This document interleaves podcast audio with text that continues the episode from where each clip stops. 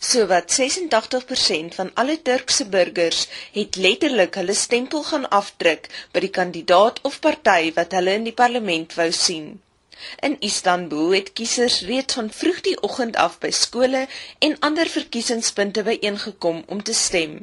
'n Jong fotograaf en toergids, Alp Akshain, was een van hierdie kiesers.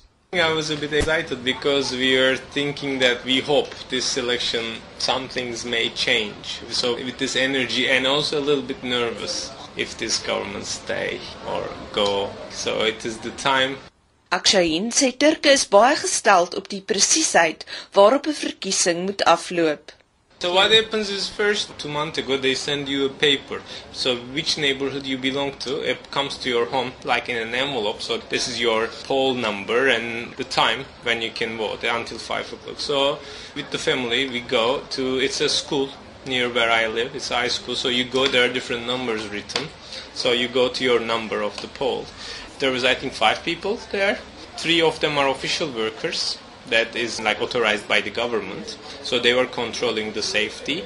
And there are two people inside. There are different parties check controlling if things are going on the right way. So they give you uh, an envelope. Inside the envelope, there is like a big size paper, and on that paper, you can see all different parties. I think there are 19 parties plus individual names that are individually uh, applied for each part of the town.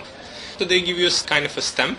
You look uh, of the party you want and you press the yes stamp. Akshahin sê hy het lank gewik en geweeg oor sy stem en hy moes uiteindelik tussen twee partye kies.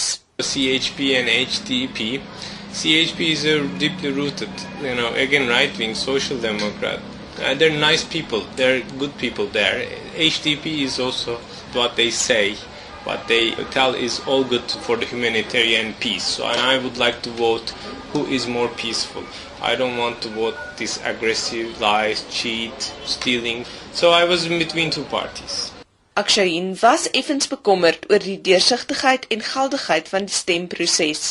In die vorige verkiesing het die krag sommer in stemlokale afgegaan en dan is dit op katte blameer wat glo aan die kragdrade geknibbel het. In our previous election, all heard very bad stories. People they found in the garbage some empty, like thrown out uh, voting papers, like some things disappear. Electricity cuts where never happens in Turkey, basically. And suddenly, I don't know why these cats go in, and then they turn off the electricity there. So we have smart cats.